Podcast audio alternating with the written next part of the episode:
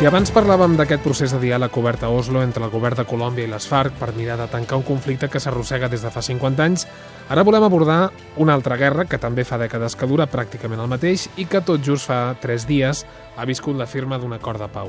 Ens referim a l'executiu de les Filipines, d'una banda, i de l'altra, la guerrilla musulmana Front Moro Islàmic d'Alliberament, un dels conflictes més enquistats, més sagnants que ha viscut en les últimes dècades al sud-est asiàtic. Josep Lluís Alai, molt bona nit. Bona nit. Fa un parell de temporades n'havies parlat, ara tenim aquest pacte. Situem el conflicte on comença, quan comença, on el tenim ara el 2012?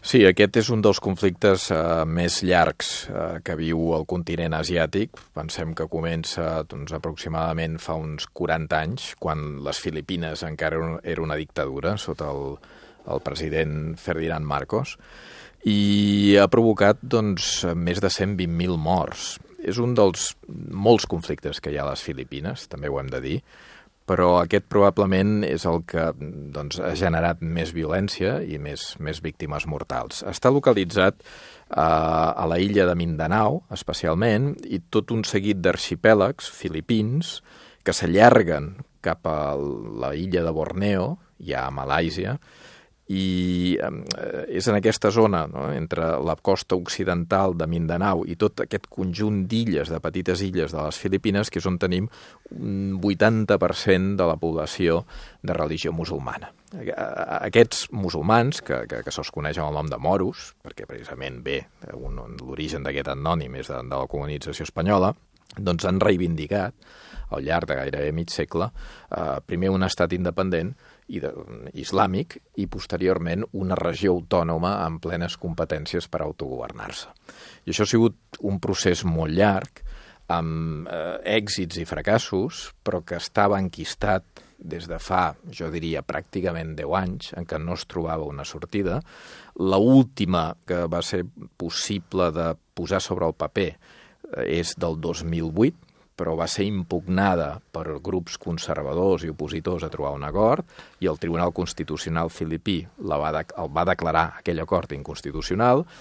El penúltim intent va venir el 2010, però llavors va haver-hi canvi de presidència a les Filipines, mm. recordem la, la Glòria Arroyo, que va ser doncs, eh, substituïda per l'actual president Benigno, Benigno Aquino, uh -huh. que és el que ara doncs des de fa mm, pràcticament dos anys ha estat treballant eh, eh, molt durament, diguéssim, per aconseguir un pacte amb el que és l'organització guerrillera més important dels moros filipins. Ah, Josep, exactament qui ha signat l'acord i quina representació tenen? Sí, l'acord s'ha signat al Palau Presidencial de Manila, per tant, per donar-li tota eh, eh la magnificència possible, sota eh, vigilància internacional, per tant, hi ha hagut mitjancers, en concret el primer ministre de Malàisia, país també de majoria musulmana mm. i que, per tant, doncs, per la guerrilla eh, islàmica doncs, és un bon mitjancer i també per Filipines, perquè és un govern veí i és un govern amic, a més a més de, de, de la zona d'aquella zona del sud-est asiàtic. El signen els representants del propi president, per tant, és el govern de Filipines, i el signa el representant del que és el cap eh, del front eh, d'alliberament eh, eh, moro eh, islàmic, que és en Murat Ibrahim, amb la presència, a més a més, de les famílies respectives, per tant, en una atmosfera doncs, molt eh, amical, molt familiar, que li ha donat doncs, encara més eh, profunditat en la mm. signatura d'aquest acord. I en què consisteix l'acord?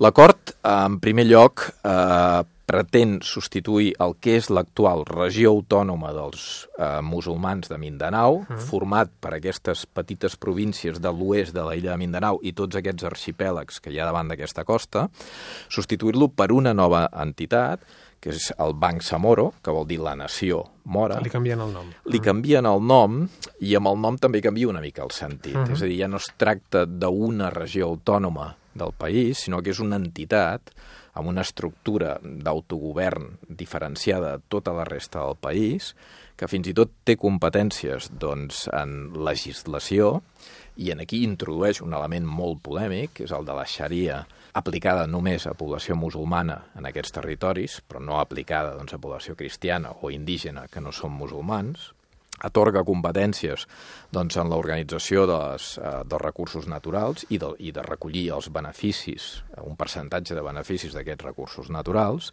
i també, sobretot, delimita el territori. Probablement la qüestió territorial mm. de decidir què és Bangsamoro, què és les Filipines musulmanes, ha estat el mal de cap més gran per tots els intents de trobar una solució al, al, conflicte. Això passa en gairebé tots els conflictes. I aquest acord eh, quines perspectives d'èxit té?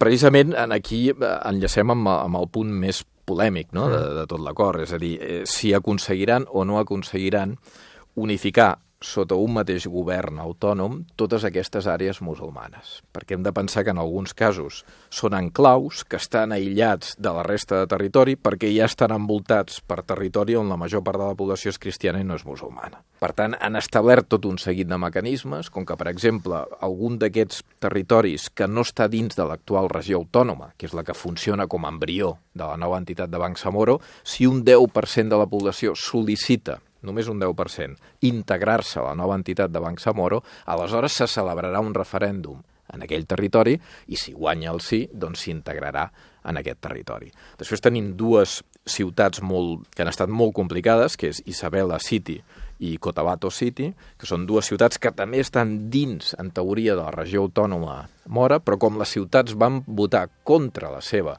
adscripció a la regió autònoma musulmana o mora, doncs van quedar fora. Ara quedes, aquestes queden integrades automàticament.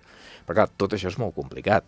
Uh, Benigno Aquino deia, després de signar, uh, literalment en anglès, deia The devil is in the details. Uh, uh -huh. Per tant, uh, sí, l'acord és fabulós, però quan ens hem de posar, com ha passat molts cops, al detall lletra petita. Mm. A la lletra petita és quan mm. poden sorgir els problemes. Hem de pensar que això, aquesta lletra petita hauria d'estar acabada a principis d'aquest any que ve, hauria d'estar molt clara, i l'implementació final del procés hauria de ser el 2016.